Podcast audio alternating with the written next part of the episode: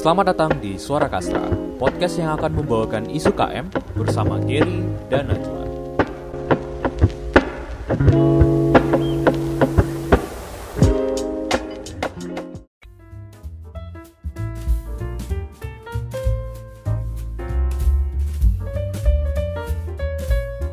Hai semuanya, kembali lagi di podcast Suara Kastra bersama Najwa dan Giri, yeay. Yeay. Episode Kali ini kita mau ngomongin apa nih, Gir? Eh sebelumnya kita ini dong ngucapin selamat hari lebaran buat teman-teman semuanya yang merayakan. Kebetulan ini kita tappingnya eh, dekat-dekat lebaran ya. Ya, keren banget gak sih kita menyisikan libur lebaran buat tapping ini? Wah keren banget. Oke kita bahas apa hari ini Najwa? Jadi kita mau bahas tentang yang ini sih, yang masih relate lah sama kita deket-deket akhir-akhir ini. Bahas apa nih, Gir? Kita bakal ngebahas mengenai kuliah offline. Kuliah offline. Iya. Sebelumnya kita baca dulu deh berita. Seperti biasa, buat teman-teman semuanya, kita kan eh, kita setiap eh, setiap episode bakal ngebacain berita biar teman-teman wawasannya luas. Bener nggak sih, Najwa? Ya, bener banget. Ada berita apa nih kali ini? Ya, jadi untuk berita episode hari ini eh, bakal ngebahas mengenai kuliah tatap muka, Najwa. Jadi judulnya ini kuliah tatap muka bisa dimulai Juli 2021 tanda tanya. Aneh banget sih judulnya. Ya. jadi dilansir dari kompas.com. Bertanya-tanya. Ya, Kementerian eh, Kementerian Pendidikan dan Kebudayaan atau Kemendikbud sebelumnya itu menargetkan sekolah dan perku- perkuliahan tatap muka dapat dibuka pada Juli 2021 atau awal semester kedua tahun ajaran 2020-2021. Nah, Mendikbud Mendikbud juga mengatakan bahwa langkah ini dapat dilakukan apabila vaksinasi COVID-19 bagi tenaga pendidik yang telah berlangsung sejak Rabu Rabu ini tanggal 24 ya, tanggal 24 Fe- bulan Februari eh, dapat diselesaikan Februari. pada Juni 2021. Nah, jadi eh, Menteri Pendidikan kita itu sempat bilang bahwa ia ingin memastikan kalau kita itu bisa divaksinasi sampai akhir Juli, Juni maaf. Dan tahun ajaran berikutnya itu eh, ditargetkan dapat dimulai proses tatap muka di sekolah gitu. Kalau menurut kamu sendiri, Ya, kamu siap gak, Najwa? Aku sendiri sih netral sih ya. Maksudnya kalau misalnya offline pun ayo, kalau misalnya masih online pun iya. Dan kemarin juga kabar-kabarnya kan dosen-dosen UNER udah mulai divaksin kan satu-satu dan udah mulai itu semua. Jadi ada sih kemungkinan untuk uh, kita offline di bulan Juli 2021 ini. Kalau menurut kamu sendiri gimana ya? Eh, kalau aku sendiri jujur belum siap sih ya. Karena Kenapa gimana ya? Karena aku juga karena aku sendiri kan juga belum pernah eh, ke kampus, jadi nggak tahu lingkungan kampus itu seperti apa gitu. Dan dan juga takutnya belum aman juga sih karena aku juga belum divaksinasi juga kan. Kita juga belum dapat giliran vaksinasi sehingga aku mahasiswa belum deh, belum belum di, belum dapat.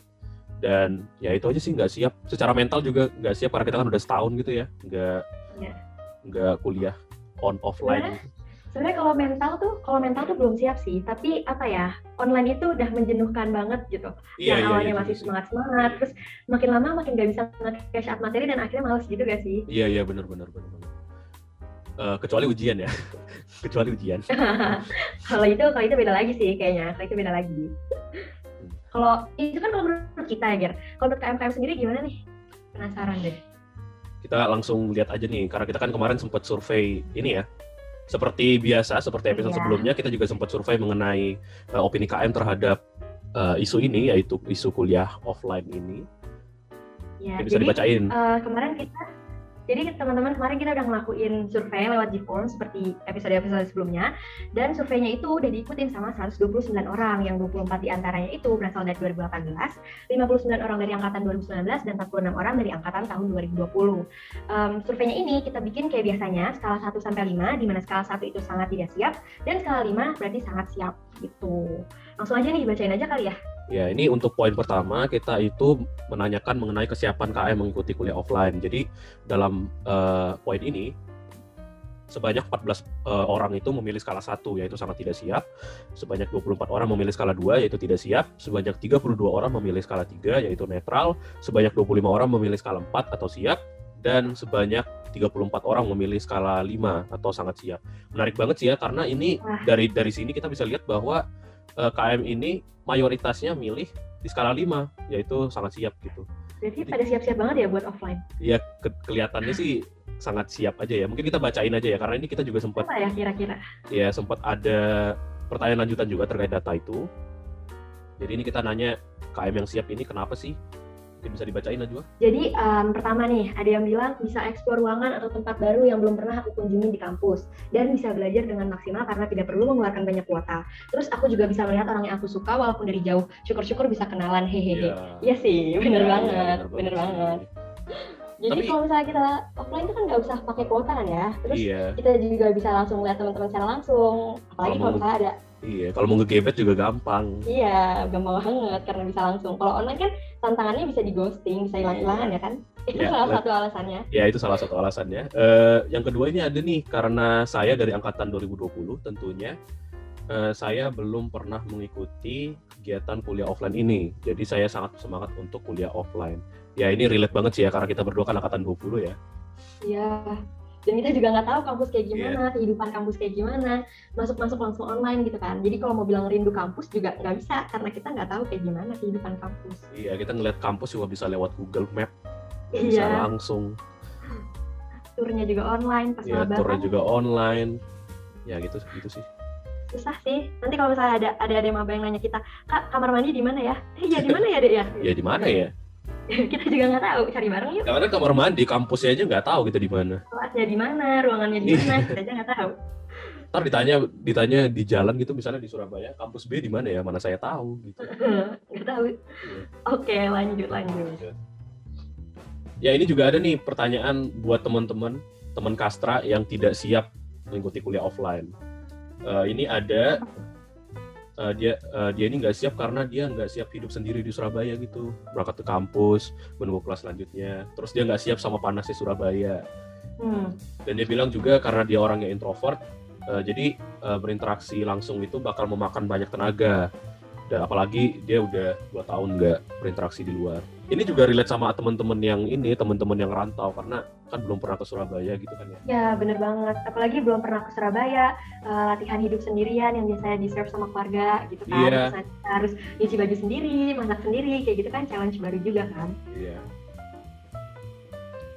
Terus ada alasan lain nih, saya sering ke toilet di tengah kelas, jadi kalau kuliah offline takut mengganggu, apalagi kalau kelasnya ber-AC. Waduh. Unik sih, ini unik, sih. unik sih. Tapi ini kisah nyata ya kayaknya. ini Iya, kita masalah nyata, yang ini nyata, masalah yang nyata. Karena kita kan kalau di rumah ya di rumah ya bisa ngapain aja gitu. Kayak kalau mau ke toilet ya tinggal ke toilet, gak perlu izin siapa-siapa Hmm. gitu kan. Nggak ketahuan juga kan, Iya, mau ke kamar juga. mandi juga nggak ketahuan kan. Iya. Menarik Tapi sih. kalau ya. offline, kalau offline kayak dikit-dikit ke kamar mandi, dikit-dikit ke kamar mandi kan bisa dicurigain juga kan, ini Iya. mau kabur atau gimana gitu. Menarik sih ya. Iya ya nggak kepikiran ya. Ini out of the box sih. Out of the box sih ya ya. Terus ada nih. Wah ini lumayan ngegas nih. Tanya aku, tanya pemerintah kota, siap gak kalau ada lonjakan kasus gara-gara mobilitas mahasiswa jadi tinggi? Tanya juga ke univ sama fakultas, siap gak infrastruktur buat nunjang prokes? Wih, Wih, ini ngegas, ngegas banget ya ngegas. banget. banget. Ini sangat Coba mencerminkan, sangat mencerminkan KM ya ngegas-ngegas ini. aku nggak bilang, nggak bilang. Iya iya. Bilang tanya pemerintah kota, juga tanya sama fakultas. Oke, Tapi Nanti kalau tapi kita- bener tapi ada benernya juga ini kan kita juga tergantung tergantung pemerintah kota seberapa siapnya juga kan sama uh, Iya. univ sama fakultas juga harus siap nggak mungkin dong kalau univ fakultas nggak siap kita maksain online eh, maksain, maksain offline gitu kan nggak mungkin ya kalau kayak gitu jatuhnya malah jadi kayak bunuh diri gak sih? Karena iya ntar takutnya lonjakan ada lonjakan kasus malah nanti uh, ada malah makin parah terus jatuhnya apa sih gelombang kedua gitu gelombang kedua belum lagi kalau yang rantau, kalau yang rantau sakit itu kan juga pasti bakal lebih iya susah bakal ya susah banget sakit di sih rumah. iya. Belum lagi kalau misalnya rumah sakitnya nggak memadai dan lain-lain. Iya sih, ada benernya juga. iya Seharusnya iya iya kota sama ini juga siap. menarik nih menarik nih suka nih sama KM yang kayak gini Kritis mantap. ya kritis mantap ya terus ada kita juga sempat eh, ngesurvei urgensi dilaksanakan kuliah offline menurut KM dan hasilnya itu ada sebanyak enam orang memilih skala 1, sebanyak 23 orang memilih skala 2, sebanyak 45 orang memilih skala 3, sebanyak 30 orang memilih skala 4, dan sebanyak 25 orang memilih skala 5. Jadi menarik ya karena ini eh, malah 45 eh, mayoritasnya itu milih skala 3 atau netral. Jadi mereka merasa siap untuk offline, tapi merasa urgent-urgent banget juga enggak, Iya. tapi juga enggak tapi juga penting gitu. Jadi di skala 3. Tapi sebenarnya alasan sesungguhnya apa sih mereka tuh pilih skala 3? Aku coba bacain ya. Ya, boleh. um, nih ada dari salah satu KM dia bilang karena jujur aja mahasiswa-mahasiswa ini juga gak efektif kuliah online kayak iya sih online tapi pas kelas dia di kafe jadi sama aja bohong terus mahasiswa juga jadi menggampangkan kuliah karena dia bisa pergi seenaknya juga bisa kita bukan yang di rumah terus gitu. Jadi kita bisa aja jalan-jalan pas kelas terus juga jujur aja banyak mata kuliah yang aktivitasnya tuh dikat gitu. Karena online contohnya kayak psikopatologi kita harusnya bisa ke RSJ terus menurut aku kayak juga nanti rugi di mahasiswanya. Kita udah bayar SPP harusnya dapat fasilitas kampus dan fasilitas pembelajaran yang lengkap jadi malah nggak dapet gitu. Jadi please gitu kata dia. Ada please-nya ya. Hmm. Tapi bener sih, maksudnya harusnya banyak pembelajaran-pembelajaran langsung yang jatuhnya lebih efektif, malah kita nggak dapet. Iya, iya. Kayak, Jadi kurang greget gitu. Iya, kayak teman-teman semester 3, uh, eh, itu kan ada pengukuran ya, mata, mata kuliah pengukuran. Iya. Terus uh, tadi ada psikopatologi juga, itu kan butuh praktek yang kayak menyenangkan tapi karena pandemi ini nggak yeah. dilaksanakan gitu loh. Bener banget terus ada biopsikologi yang bedah otak iya, bedah uh, otak itu terus iya. kalau jadi nggak ada itu itu sayang banget sih hmm.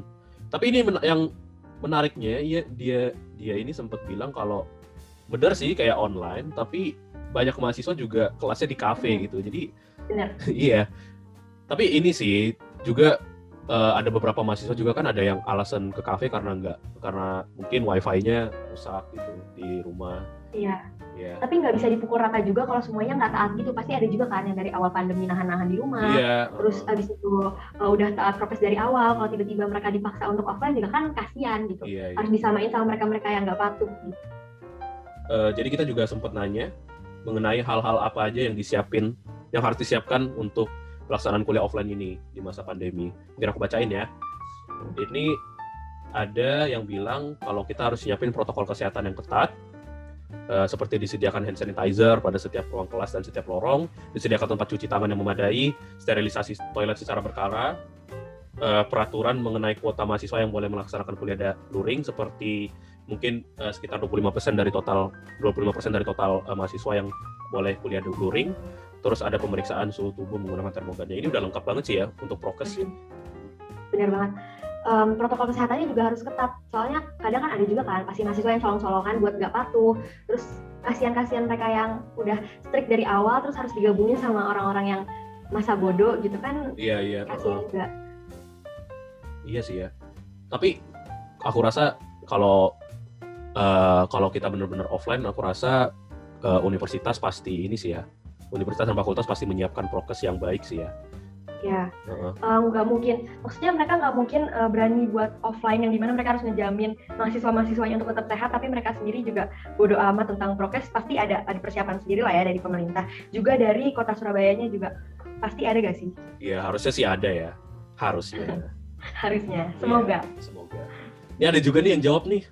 Sunblock Sama. katanya. Kita harus siapin sunblock ya ampun kalau kalau itu kayaknya mau online mau offline juga harus tetap kita pakai nggak sih? Karena iya, panas karena ya Surabaya panas banget sih. Saya nggak tahu juga itu sih. Mau nggak pandemi juga tetap kayak gitu. Tapi nggak tahu karena kita kan. Iya karena kita kan tidak pernah ke Surabaya. Iya. Susah sih. Menarik sih ya sunblock ya, menarik ya sunblock. Mungkin dia mungkin dia gantiin hand sanitizer pakai sunblock gitu jadinya. Bisa ya, bisa. Bisa bisa jadi Lebih sih. safe. Lebih safe ya kalau pakai sunblock. Menarik menarik out of the box juga nih jawabannya yeah. tadi. Memang KM ini agak out of the box ya. Sangat-sangat out of the box. Iya. Oke, lanjut. Jadi uh, selanjutnya itu kita juga nanya nih, uh, seberapa, seberapa cemas kamu apabila kuliah offline terpaksa dilaksanakan? 12 orang di antaranya menjawab skala 1, terus 34 di antaranya menjawab skala 2, 33 di antaranya menjawab skala 3, ada 28 orang juga yang menjawab skala 4, dan 22 orang menjawab skala 5. Jadi di sini bisa dilihat nih kalau misalnya um, kebanyakan dari mereka di mana 34 orang itu merasa tidak terlalu cemas jika kuliah offline terpaksa dilaksanakan. Hmm. Menarik sih. Tapi mayoritasnya juga Oh ya mayoritasnya di skala 2 ya. Iya. Menarik ya benar. Berarti uh, itu tidak siap kan ya kalau di skala 2? Sangat tidak uh, ini tidak cemas kalau di skala 2. Hmm. Jadi 34 orang merasa tidak cemas jika kuliah offline terpaksa dilaksanakan. Hmm. hmm. Agak, Padahal agak berkontradik, agak kontradiktif sih. Iya, agak kontradiktif. Ya, mungkin kita uh, baca ini. Kita juga ada nanyain soal uh, opini KM terhadap uh, pelaksanaan kuliah online. Ini ada beberapa yang kita pilih. Eh, ada ini tentunya lebih efisien. Jadi dia bilang dia bilang tentunya lebih efisien kuliah daring daripada eh, menggunakan eh, karena hanya perlu menggunakan internet. Eh, dan juga eh, tapi menurut dia kuliah daring ini tidak efektif karena interaksi maupun kejelasan materi masih sama-sama. Agak kontradiktif. Lebih efisien tapi tidak efektif tidak efektif.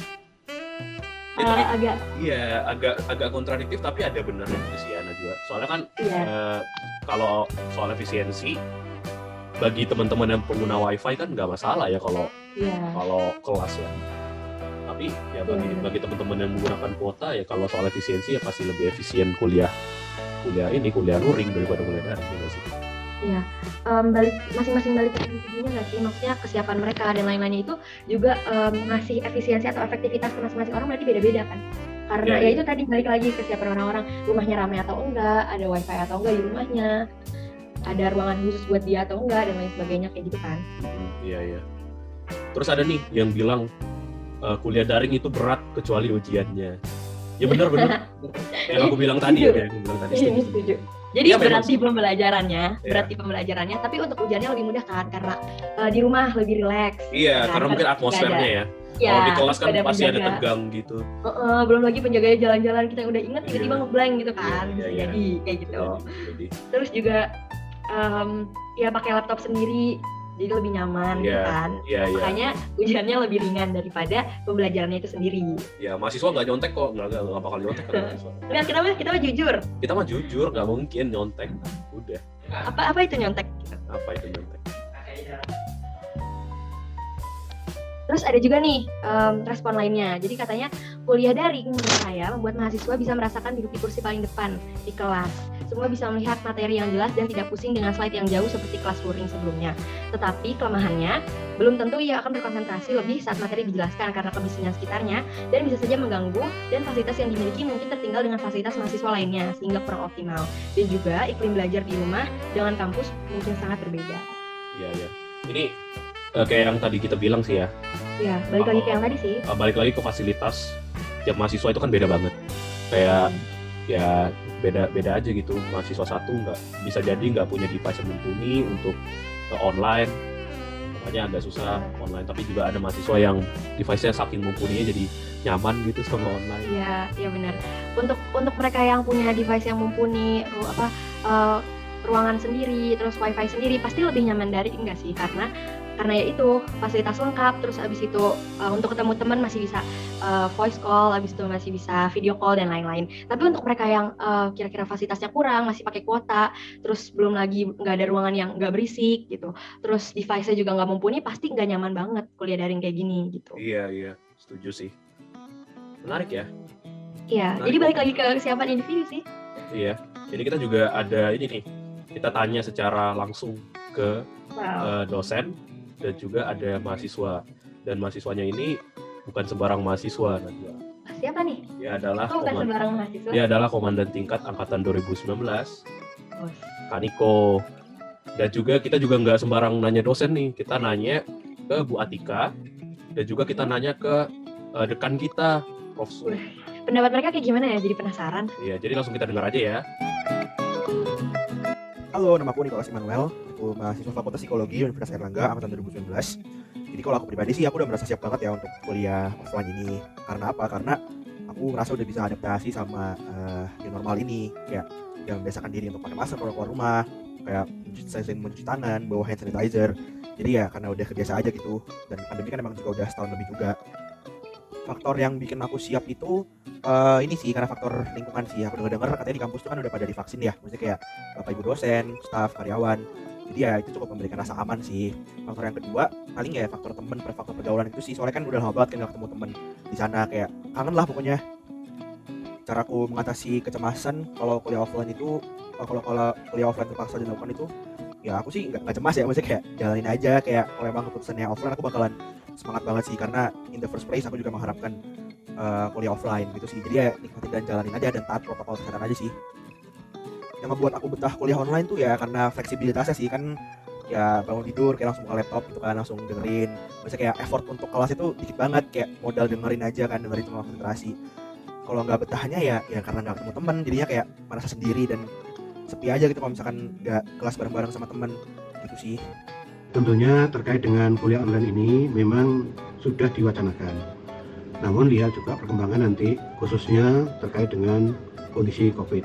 Namun secara umum, eh, kalaupun pada bulan Juli harus dilakukan, maka nanti pengaturan model protokol kesehatan atau model hibrid itulah yang mungkin bisa dilakukan.